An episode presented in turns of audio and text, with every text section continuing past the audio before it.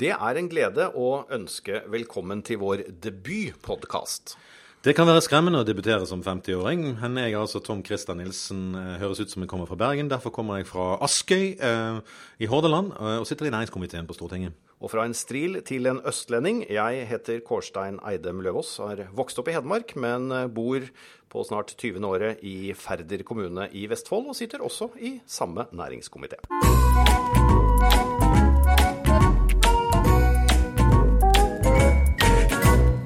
Vi har rett og slett eh, tatt oss eh, mål av å finne ut hva vi skal leve av. Det eh, har vi. Eh, om ikke vi klarer Nå er det så forferdelig når politikere skal finne ut hva du skal leve av, for da skal de gjerne fortelle deg hva de ønsket at du skulle ha levd av, men ikke det du kan leve av. Og for tiden så er det sånn at det virker som de fleste politikere er mest opptatt av hva vi ikke skal leve av. Så du tenker at vi politikere ikke er egnet til å plukke ut vinnernæringer? Er det, Forstår jeg deg sånn? Ja, altså vi har jo forsøkt noen ganger. Eh, vi har forsøkt med jernverk i Mo i Rana. Vi har forsøkt med eh, filetfabrikker langs eh, Nord- Nord-Norge-kysten. Ingenting har fungert eh, veldig bra. De fleste peker på eh, olje- og gassvirksomheten som en suksess i forhold til det. Og selskapene har vært suksess, men, men det skal litt til for å ikke tjene penger på olje og gass, da. Det har du rett i. Eh, Jeg tror spørsmålet 'hva skal vi leve av' har truffet en, en nerve. Fordi vi har egentlig drømt oss bort litt i denne olje- og gasspengedusjen. Vi er godt, godt marinert i oljepenger. Men det er et faktum eh, at før eller senere, vi behøver ikke diskutere hvordan det kommer til å skje nå eller når, men før eller senere så må vi leve av noe annet enn olje og gass. Nei. jo, det er et faktum. Eh, altså, eh, la meg si det enkelt. da. Enten så tar det slutt, eh, og det gjør det jo, det er en begrenset ressurs. Eller så blir det forbudt. Eh, eller så kommer det et alternativ som rett og slett bare utkonkurrerer det. Men vi vet ikke når. Nei, vi vet ikke når, og vi vet ikke hvordan. Og vi kommer vel heller aldri til å komme forbi det at selv etter steinalderen så bruker vi mer stein enn noen gang. Så jeg tror, vi, jeg tror, jeg tror ikke noen skal forsøke å spå i horisonten på det. Men vi må finne flere ting å leve av, uavhengig av det. Vi har egentlig to valg. Eh, Vi kan enten finne oss flere ben å stå på, eller så kan vi kutte betydelig i kostnadene våre. Eller siste- kutte beina. Eller kutte bena. Og det siste er ikke vi politikere så flinke til, i alle fall ikke i Norge. Det er vel sånn at ja, skal vi si de 30-40 siste årene så har jo ikke politikere måttet prioritere sånn på ordentlig, hvis man sammenligner med en del andre land. Nei, vet du sist gang de måtte det Nei. i Norge? Det, altså det er, jeg tror det er i 1995 eller 96. Det er sist gang eh, statsbudsjettet ble litt grann mindre enn det det var året før. Nettopp. Så hva skal vi leve av? Eh, Jeg tror eh, mange tenker, og vi ser veldig ofte eh, at folk sier dette er den nye oljen, så peker man på turistnæringen. Eller så sier man dette er den nye oljen, og så peker man på fiskeri. Eller så sier man dette er den nye oljen. Kunst. Kunst og kultur. Kulturhus. Ja. Eh, Men finnes det per i dag en kjent næring som hvor én stilling mot én stilling kan erstatte olje- og gassektoren? Ja, men ikke lovlige. Nei, nettopp. Eh, Det er noen som vil at de skal bli lovlige, men jeg er ikke der. Eh, Det, ja, det, nærmeste, det nærmeste vi kommer, egentlig, er eh, Jeg holdt på å si de årene det ikke er alge, algeoppblomstring, er eh, de siste årene i havbruk. Da, da, har det, da, da det begynt å nærme deg. Men fortsatt er det mangegangeren innenfor olje- og Ja. Og så det, det, er- det er på en måte to-tre to-tre sektorer i Norge som ligger veldig høyt. Det er uh, olje og gass som ligger himmelhøyt. Og så er det uh, skip, Uh, mari, maritime næringer i, i sjøen, og, eh, og eh, havbruk. Hvorfor er det så viktig at vi eh, setter fokus på hva skal vi leve av? Er det ikke selvforklarende at vi først må skape og deretter dele? Det virker jo ikke sånn. Altså, vi har jo, Det er jo hundrevis av politiske slagord om akkurat det. Eh, og eh, det var ikke oss som banket i bordet. Eh, det, var, men, eh, det var Støre som banket på og ville inn. Han ville gjerne plukke noen vinnernæringer. Ja, nettopp. For det, det liksom Det har vi ikke vært så fryktelig gode til, å plukke vinnernæringer. De har vel nærmest plukket seg sjøl, men selvfølgelig så har vi måttet medvirke fra, med virkemidler fra stat og, også. Men det er jo en Jeg leste for ikke så lenge Men grunnen til at det er viktig, Ja. det er jo at eh, Det var et sånt politikersvar. Ja, det var det, så jeg tenkte- Nei, grunnen til at det er viktig, er at eh, hvis ikke vi klarer det, så har ikke du jobb i fremtiden, så har ikke dine barn jobb i fremtiden. Eh, hvis ikke de har jobb, kommer det ingen skatteinntekter. Da har, de heller ikke, da har ikke deres barn skoleplass og barnehageplass, og vi eh, har ikke sykehus, vi har ikke eh, helsetjenester, eh, du får ikke pleie og omsorg når du blir, eh, når du blir gammel. Det ligger kort og slett grunnleggende for alt eh, vi gjør. Noen må ha en jobb. Så enten må vi eh, skape mer, eller så må vi rett og slett fjerne velferd, for å si det litt eh, brutalt. Det er den vonde og vanskelige siden ved det problemet, ja. Det er et faktum at store deler av de yngre generasjonene, viser det seg, bl.a. forskning som Ungdata har utført, ser rett og slett ikke Jeg tror ikke det er at ikke de forstår, men de ser rett og slett ikke koblingen mellom verdiskaping og velferd. Eh, hva tror du kan være grunnen til at, eh, at de på en måte tar velferden for gitt? Ja, det, Da er jeg et spørsmål tilbake igjen. Hva tror du er grunnen til at ordet nei har forsvunnet ut av det norske språket? Mm. Har du merket det? Mm. Har du merket det at Selv når du liksom får en beskjed på telefonen så når noen spør deg om, om, om, noe, og du vil si nei, mm. så bare lar du være å svare. Ja. Altså en melding eller en e-post, så tar det bare lengre tid å svare. Så til slutt så bare forsøker man å håpe at det går, går, vekk. Har du oppdaget det? Ja, fordi vi har rett og slett ikke behøvd å si nei? Vi har ikke behøvd å si, har ikke behøvd å si nei. Og det, det, tror jeg kan være ganske ødeleggende for enhver for enhver kultur. Men uh, vi har virkelig vært på den grønne greien. Vi har ikke behøvd å si nei. Jeg syns politikk de siste 20 årene har vært en konkurranse, en slags brainstorming, en garbage can theory, om hvordan kan vi love å bruke mer penger av eh, neste generasjons penger. Og det, det gjør at det er ikke rart at uh, den generasjonen som kommer nå, ikke, ikke uh, ser koblingen mellom skap og dele. Og, og, selvfølgelig så er det helt typisk at det er to 50 år gamle menn som sitter og ja, er kloke og vise og ser og som, Som på. klager på den kommende generasjonen! ja, dette er vel tilbake ja. til Men det er liksom bare to-tre personer i den kommende generasjonen som bryr seg om dette, er mitt inntrykk. Ja. Og de sitter i finanskomiteen på Stortinget. Men dette er jo, og du, peker, du var så vidt innom det også, eh, det er andre folks penger. Altså other people's money. Ja, og det er, lett, det er, så lett, å bruke de pengene. Å, det er lett å bruke de. Mm. Vi eh, bruker de til alt. Fordi når Altså, det finnes jo nei i norsk vokabular. Se bare på bompengeopprøret. Eh, Maken til nei skal man jo, har man ikke sett på en stund. Ja. For det er egne penger? Det, det er egne penger. Og det, det, vi, vi, klarer å si nei når vi må yte noe selv. Mm. Men, eh, men det, er, det, er, utfordrende. Mm. Og det er utfordrende å være politiker i en sånn setting. Fordi nei er ikke godkjent som, som, som, som svar. Og og kostnad ikke godkjent som argument. Men er vi nå, du og jeg, eh, eh, nesten litt sånn eh, panisk på jakt etter nye inntektsmuligheter fordi vi ikke klarer å si nei, du og jeg heller? Fordi vi rett og slett ikke klarer eller tør eller kan ta den politiske belastningen det er å gå løs på de kanskje litt upopulære kuttene? Slutt å vie deg. Eh, altså, jo, jo altså, som, som, som politisk miljø så tror jeg det er sant. Og det blir etter hvert ganske kreativt.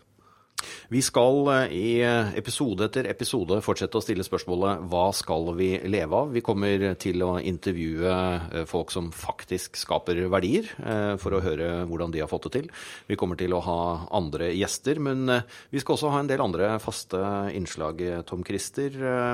Blant annet så har du lyst til å skal vi si at det er litt sånn kokkekunst, da? Du skal tilberede et kjøtt vi skal spise? Ja, ja. Vi skal, eh, vi skal selvfølgelig Vi må jo ha vår eh, Altså, jeg kommer jo fra Ingrid Espelid Hovikøyen, sant? Eh, der det er lov å jukse litt. Den rutete kokeboken er den, den, røde og den blå, ja. og, og, den til jul. Ja. Altså, det fins ingen større, ingen over, ingen ved siden av Ingrid Espelid Hovik, som vi fikk gleden av å møte en gang. En gang. Mm. Men hvis man slår opp på K i registeret i den rutete kokeboken, mm. finner man det vi skal tilberede nå da?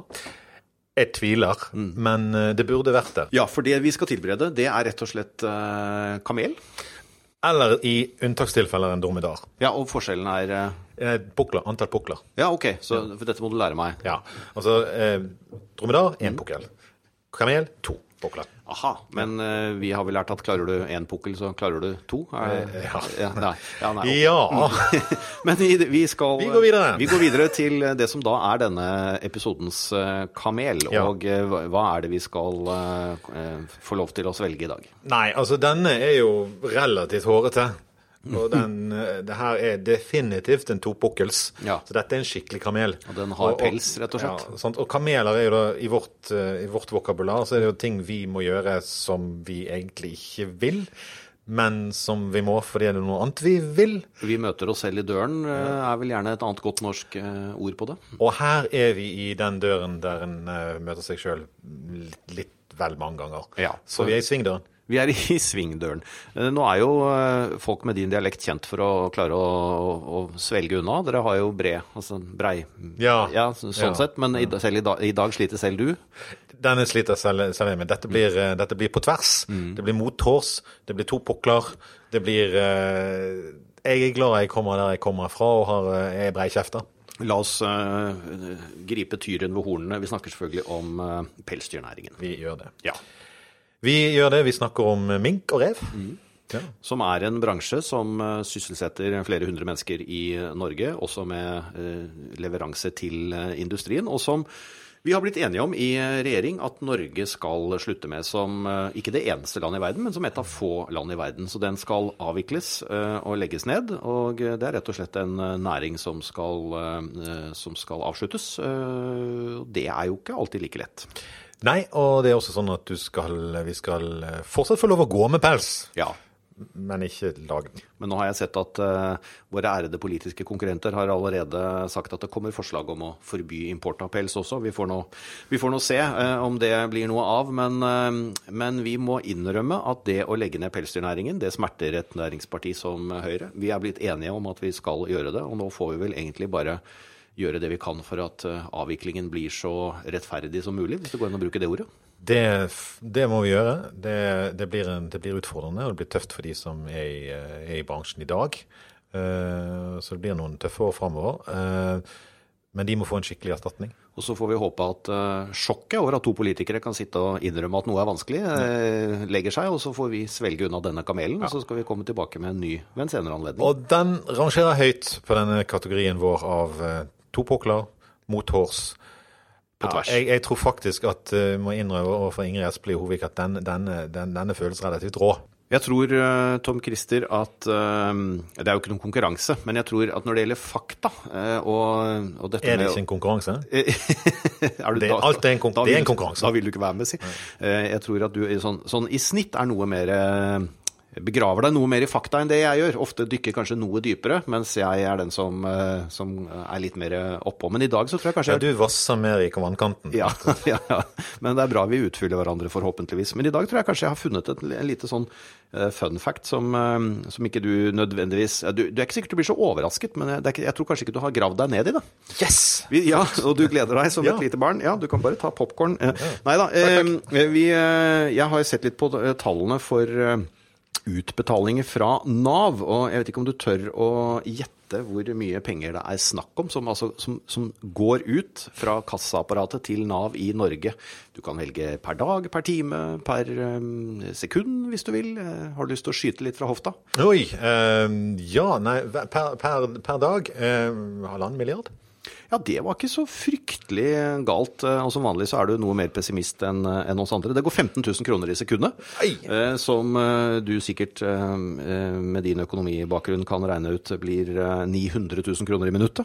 Ja. Eh, Eller eh, 54 millioner kroner i timen. Eh, ja. Eller 1,2 milliarder kroner per Ah, dag. det var ikke dårlig. Nei, det var ikke så gærent. Altså, og den tok jeg helt på ja. Men den viser også eh, behovet for å finne ut hva vi skal leve av. For eh, når man skal betale ut 1,2 milliarder hver eneste dag i Norge, så må vi ha mer penger inn. ja. Vi eh, liker jo, eh, Tom Christer, å snakke med folk som skaper noe. Folk som skaper jobber, folk som skaper eh, verdier. Jeg tror at det etter hvert blir en fast post, men skal vi begynne med et unntak, kanskje? Vi begynner med et unntak, og dette unntaket skaper ingenting. Nei, overhodet ingenting. Men fraksjonsleder for næringsfraksjonen til Høyre på Stortinget, Linda Hofstad Helleland. Det var kanskje en litt kjip intro, men, men vi skaper jo ikke jobber, vi politikere. Ja, og enda godt er det. For det er ikke jobben vår heller. Vi skal legge til rette for at eh, næringslivet rundt omkring i hele landet skal mm, ha muligheter til å drive bedriften sin og selskapet sitt på en enklest mulig måte. Og vi skal legge til rette for at det også skal mm, være enkelt å, å skape nye arbeidsplasser. Men du, du, eh, du har jo vært i, i sånn idrettsorganisasjoner og vært kulturminister. Og, og, sånn, det, at Hva føler du spørsmålet? Så her, så her kommer det også. Sånn, det er jo enkelte politikere som har det med å la tungen løpe av med seg og si at vi skapte 360 000 jobber der da vi satt med makten. Hva føler du når de sier det? Nei, Det er det verste jeg hører. Vi legger til rette for at det eh, skapes. Og Det er jo derfor jeg er så glad å ha med meg dere. da, Og besøke bedrifter og selskaper rundt omkring i hele landet og høre hva er det vi må gjøre mer av. Hva er det som er utfordringer, hindringer. Og akkurat nå så har jeg en ganske god følelse. da. For jeg spør jo de bedriftslederne vi møter, hva er det vi bør endre på? Hva skal vi gjøre? Og de sier fortsatt sånn som nå. Og de trekker frem viktigheten å slå ring om EØS-avtalen. Hvor viktig det er med tilgangen på kompetanse, med fagarbeidere. Satsinga på infrastruktur, som eh, vi har en fantastisk record på da, i denne regjeringa. Så eh, vi gjør mye riktig, men det er likevel eh, helt avgjørende at vi er ute der verdiskapinga foregår, føler på pulsen og tar med oss det inn i det arbeidet vi gjør her på Stortinget. Og Norgesturneen som du sleper Tom Christer og Margunn og meg rundt eh, med på, hvor vi besøker hele Norge, den har jo overskriften 'Hva skal vi leve av?' Og det er jo det vi forsøker å, å finne ut også. Hva skal vi leve av? Og, uh, hva, hva, tenker du vi skal leve av? Det er jo et umulig spørsmål å svare på, selvfølgelig, men, uh, men forsøke. Prøver du å sette meg nå i Jonas Gahr Støre-fella? For det er nemlig heller ikke vi som politikere som skal definere det. Vi skal ikke peke på noen bransje som Arbeiderpartiet gjør. Vi skal legge til rette også for et mangfold vi, av eh, bransjer, bedrifter og selskaper. De beste ideene er kanskje en gang ikke klekt ut eh, nå. Så det at vi satser stort på kunnskap, utdanning, kompetanse, verdens beste skole, det er det viktigste vi kan gjøre. Vi må satse videre på forskning, eh, utvikling. Og det foregår veldig mye spennende nå rundt omkring i de minste bygdene og i de store byene langs kysten vår. Og vi har jo sett nå gjennom de mange besøkene det spennende arbeidet, innovasjonen som foregår rundt omkring i eh, havbruket, oppdretten, i olje- og gassektoren. Eh, endringene i bank og finans, hva som skjer i bygg- og anleggssektoren. Jeg kan ikke begynne å trekke fram eh, alle, alt det spennende mm, og, og nyskapende arbeidet som, som, gjøres, men det er helt overbevist om etter reisene våre nå, er at vi aldri, i hvert fall fra høyre side, skal finne på å definere hva som skal være vår fremtidsnæring. Så det er én ting jeg å spørre om til slutt. Og det, sånn, det, hører vi fra veldig mange, og så hører vi mange som har lyst til å fikle litt.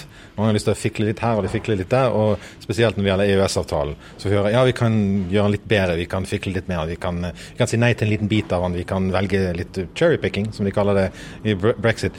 Hvorfor er EØS-avtalen så utrolig viktig for norsk næringsliv? Altså, Det er helt avgjørende. Og når vi nå nettopp har vært på Vestlandet, mm. som er en virkelig eksporttung eh, region i, i Norge, så får vi bare bekrefta en gang for alle hos hvert eneste besøk, slå ring om en. Mm. For det er bare sånn man kan eh, komme ut med varene sine på markedet. Men det er også viktig fordi at eh, vi trenger arbeidskraft og kompetanse til å, å jobbe innenfor industrien vår og arbeidsplasser her kan sitere vår eh, kollega Margunn Ebbesen fra Stortingets eh, talerstol. Ikke kødd med EØS-avtala. Ok, Det var Vestfolds forsøk på nordnorsk. Vi, ber om unnskyldning til alle nord for, vel, nord for Vestfold. Men eh, tusen takk, Linda. Vi har bestemt oss for, når vi snakker om hva vi skal leve av, å ikke bare sitte her og, og tro at vi kan finne ut av det, Tom Christer. Ja, eh, for rundt omkring i hele landet så finnes det folk som vet utrolig mye mer om hva vi kan leve av i fremtiden, enn det vi politikere gjør. Hver eneste episode av Hva skal vi leve av, så kommer du til å møte en verdiskaper, og eh, vær så god, vel møtt. Eh, hva heter du? Javier San. Hvor er du fra opprinnelig? Jeg er opprinnelig fra Chile. Flyttet til Norge i 2008. Og hva driver du med i dag? Er daglig leder i en selskap som heter Offshore Crew. Og hva driver de med? Vi driver hovedsakelig med bemanning og rekruttering for oljenæring og maritim bransje. Du har drevet med bemanning eh, ganske lenge, men så så du et problem og begynte for deg sjøl for å løse det. Hva, hva, var problemet du så? Problemet vi så var eh, Vi visste at vi har mye folk ledig der ute, og hver gang når vi trengte folk, vi måtte betale høy sum til rekrutteringsselskap. Og jeg tenkte det var en måte å koble disse arbeidsledige folk direkte med arbeidsgiver. Og hvordan gjorde du det? Vi har utvikla våre eget rekrutteringssystemer som eh, gjør det lett for eh, selskap som trenger folk, å komme i kontakt med, med arbeidsledig personell. Og Det gjør du også for offentlig sektor? Det gjør vi for offentlig sektor, men ikke for offshorebransje. Det gjør vi for skole og barnehage. Eh, hva er det største utfordringen du møter i, i når, du, når, du, skal eh, gjøre eh, business med offentlige?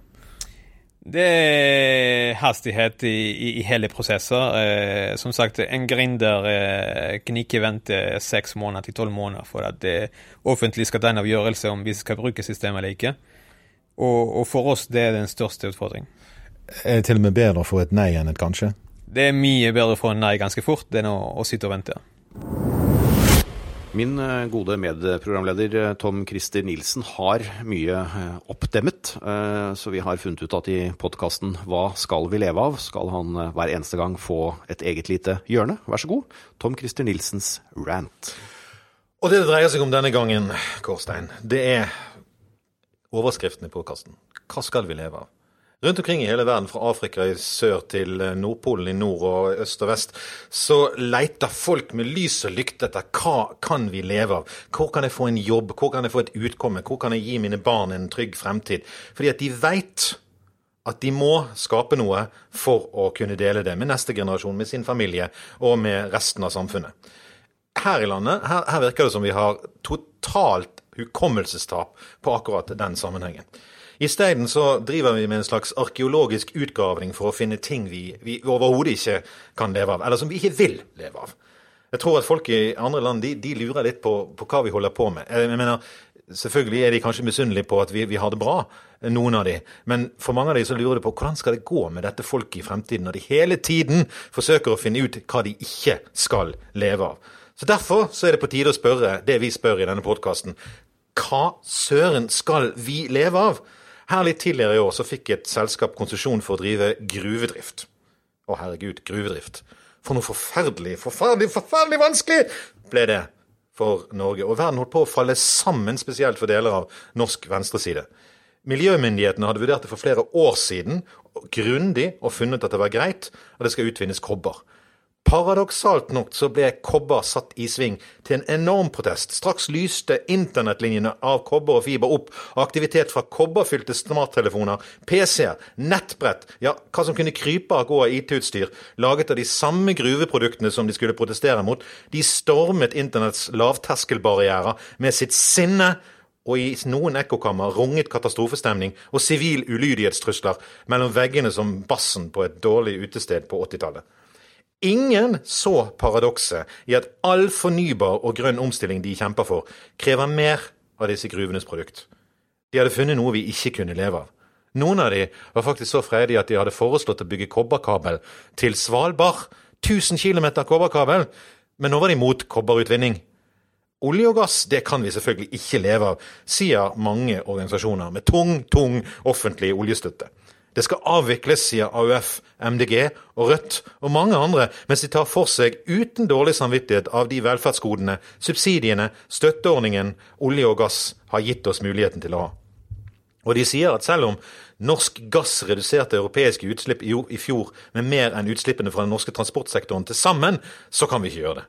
De vil ikke levere gass til Europa. Vi skal slutte med det, så Tyskland får valget mellom å brenne brunkull eller å kapitulere enda en gang for en russisk-putinsk politisk gassrenneløkke rundt halsen. Ja, la oss for guds skyld bli det beste, la det beste bli det gode fiende. MDG skal erstatte olje og gass med nye grønne arbeidsplasser. 100 000 av de det er bare så synd at ikke de engang klarer å love å erstatte de 120 000 arbeidsplassene som er i oljen. De mangler 20 000, men det viser kanskje hvor gode de er å regne. Det er ikke så godt med, med de tallene. Jeg vet at jeg er tallnerd, men, men, sånn av og til så må man skjønne at 20 000 arbeidsplasser som mangler, det er 20 000 arbeidsplasser for lite. Fornybar kraft skal vi ikke ha. Gud forby om noen av nikkersadelen får øye på en vindmølle. Ja, for det er det det dreier seg om. Vindmøller er en mindre belastning for miljøet enn nesten all annen energiproduksjon, men vi kan se det. Og ikke vannkraft skal vi leve av heller, fordi at eh, det er jo Stakkarselven. Og det var flere sider i Innsikt, bladet Innsikt, siste nummer, om hvorfor vi må produsere mindre vannkraft. Så vi skal på den ene siden ha ikke ha vindkraft, vi skal ikke ha vannkraft. Vi skal bruke strømmen til, til våre mobiltelefoner og det hele, men vi skal ikke ha den. Eh, så hva er det man Det er nesten like logisk som når et eh, LO-forbund foreslo å erstatte olje- og gassindustrien med offentlige investeringer basert på inntekter fra olje- og gassindustrien. Eh, hvis noen ser den trekanten der, så, så er det lov å sende leserbrev på det. Så pekes det da på løsninger som ikke finnes ennå, eller løsninger som er sinnssvakt dyre. Hvor dyr? Vindmøller på land er lønnsom. Flytende vindmøller f.eks. er dyrere og har mer karbonutslipp. Og det er veldig mye dyrere. De hadde kostet 150 milliarder mer å bygge de 30 gigawattene som han drømmer om å realisere med flytende havvind, enn dersom det hadde vært bygget på land. Dersom noen skulle betale dette gjennom selskapsskatten, så måtte, selskapsskatten, så måtte omsetningen til norske selskaper økes med mange hundre milliarder. En prisverdig målsetning er jo også for å satse på havvind, men hvordan skal det skje når vi ikke vil drive med noe som er lønnsomt? For noe må betale denne utviklingen. Ja, sjømat har en mulighet til å betale deler av den utviklingen. Der er det potensial. Der er det muligheter. Sintef har, har studert og vist at det kan femdobles i fremtiden. Men det er et problem. Mesteparten ligger i havbruk. Eh, og det er nå en gang slik at uh, det blir ikke så mye fisk mer i havet, så da må vi dyrke den. Men nei, det må vi ikke! For det første føler vi at de bruker for mye antibiotika. Uh, det bruker jo opptil en 35. del per kilo i forhold til landkjøtt. En 35. del kan være vanskelig å se for seg. Men tenk deg at det ligger én diger bipp på én kilo foran deg. Når det gjelder antibiotika, så kan du da legge 35 kilo laks ved siden av før du kommer opp på samme nivå. Det er høyt. Det er faktisk helt taket ditt. Men det, det, det er mer enn det òg, du, du, får ikke plass til det i kjøleskapet ditt. Men biff er landbruk, så det er greit. Havbruk er den mest klimavennlige måten å produsere kjøtt på som vi kjenner til. Men likevel så er det ikke rent nok. SV foreslo et absolutt utslippsforbud for havbruk, eller forby havbruk for å si det på en annen måte. Så det kan vi ikke leve av. På land sier du ja, men da er det ikke lønnsomt. Og så er det bare det at da krever det syv-åtte Alta-kraftverk i kraft og får doblet klimautslippet sitt. Så det går virkelig ikke. Fiskene det kan vi ikke leve av, i alle fall ikke trålerne som går langt til havs og eid av kvotebaroner. Kvotebaroner Det er merkelig hvor redd vi er for at noen skal drive lønnsomt. Men det finnes ingen kvotebaroner i norsk fiskeri, fordi fangsten deles på alle om bord. Eh, det er en del av lønnssystemet der. Så det er iallfall alle fiskere og adelskap, og det er jo litt fint å tenke på. Alle er baroner. Men trålere, nei, vi skal heller gi kvotene tilbake til, trål, til båter som ikke kan fiske der trålerne fisker, og så derfor ikke vil fiske den fisken de skal fiske. Det var en næring som falt i fisk. Uh, dårlig spøk, men det er det det er. Jeg orker ikke engang ta diskusjonen om industri. Den, skal, den er jo altfor skitten. Og reiseliv, da. Reiseliv det har jo kjempepotensial. Verdens største næring. Nei, nå er det for mange av de utlendinger, altså, som kommer her og ser på naturen vår. Av og til går de i den også. Fysjom. Og verst av alt er bobiler og cruiseskip, ja, og fisketurisme, da. For det, går jo, det lager jo problemer for det vi snakket om før. Ja, og ellers er vi veldig for kollektivtrafikk og transport over på sjø, men ikke med turister i. Og det er skikkelig irriterende å ligge bak en bobil, så de må vekk. Vi skal ha grønne turister, de skal ikke komme hit med båt, fly eller bil, og de skal ikke gå i naturen vår. Egentlig kan de helst bare betale for en streaming av bilder fra norsk natur. Da slipper vi å se de også. Vi har funnet ennå en næring vi ikke kan leve av. Så hva skal vi leve av, da? Offentlig forbruk? Et LO-forbund foreslo som sagt det. Grønne drømmer uten veier til markedet. Hjemmelaget urtete. Digitale landskap uten kobber, metall, plast og alt det andre som puster liv i batterier, skjermer, elbiler, alt det du bruker. Landbrukssubsidier, det er i hvert fall en vekstnæring eller en vekstnæring, som allerede nå spiser mer av statskassen enn all selskapsskatt fra havbruk og fiskeri til sammen. Lobbyisme? Eller skal vi halvparten av oss se på TV, mens den andre halvparten lager TV? Hva skal vi leve av? Jeg sier som en klok mann i feil parti. Vi må bygge landet. Og takk for det. Eh, her fikk vi litt å tenke på på tampen. Jeg heter Kårstein Eidem Løvaas. Og jeg heter Tom Christer Nilsen. Podkasten heter Hva skal vi leve av? Eh, svaret på det finner vi vel for så vidt aldri, eller alltid. Det tror jeg vi gjør. Og det finnes tusenvis av gode ideer der ute, så du har eh, tusenvis av podkaster å se fram til. Eh, men for i dag er det slutt.